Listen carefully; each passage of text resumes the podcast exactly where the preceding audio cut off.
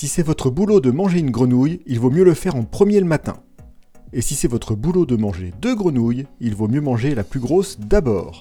Bienvenue, vous êtes sur le podcast J'ai pas le temps pour ça avec Eric Boucher. On observe des méthodes, des trucs et des astuces pour être plus efficace et terminer la journée plus tranquillement.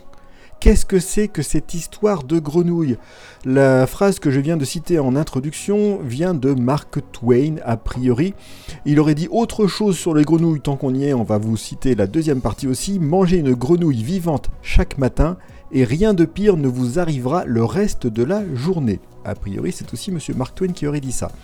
Pourquoi on en parle là? Parce que l'auteur Brian Tracy s'est servi de cette allégorie de la grenouille pour sa méthode et son livre éponyme, ça s'appelle Eat That Frog, et donc en bon français, manger cette grenouille, et il va nous expliquer comment en fait le principe de commencer par cette grenouille dès le matin va nous aider à être plus efficace. Brian Tracy, on en a déjà parlé plusieurs fois, c'est lui qui a écrit le livre Time Power, auquel j'ai fait appel dans les épisodes 1, 6, 16, 21 et 26. Rien que ça. D'ailleurs, l'épisode 26 parle de 16 méthodes pour lutter contre la procrastination, et cette méthode, manger la grenouille, eat that frog, cite 21 méthodes pour gérer la procrastination, parce que c'est bien de cela qu'il s'agit, comment être plus efficace et comment ben, vous encourager à faire les choses les plus importantes en premier. Donc, que nous dit Brian Tracy?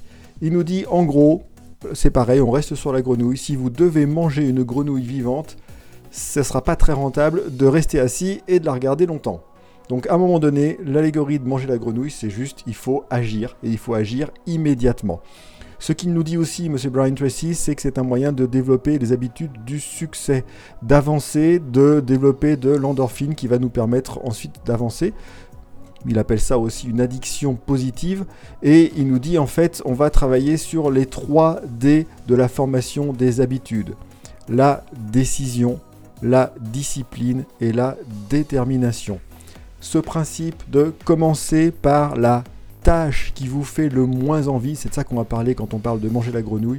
Vous identifiez la tâche qui vous fait le moins envie et vous y allez, vous la faites en premier. Le reste de la journée passera beaucoup plus tranquillement. Au passage, manger la grenouille en français a une signification tout autre. Je vous laisse regarder parce que pour nous, c'est fini.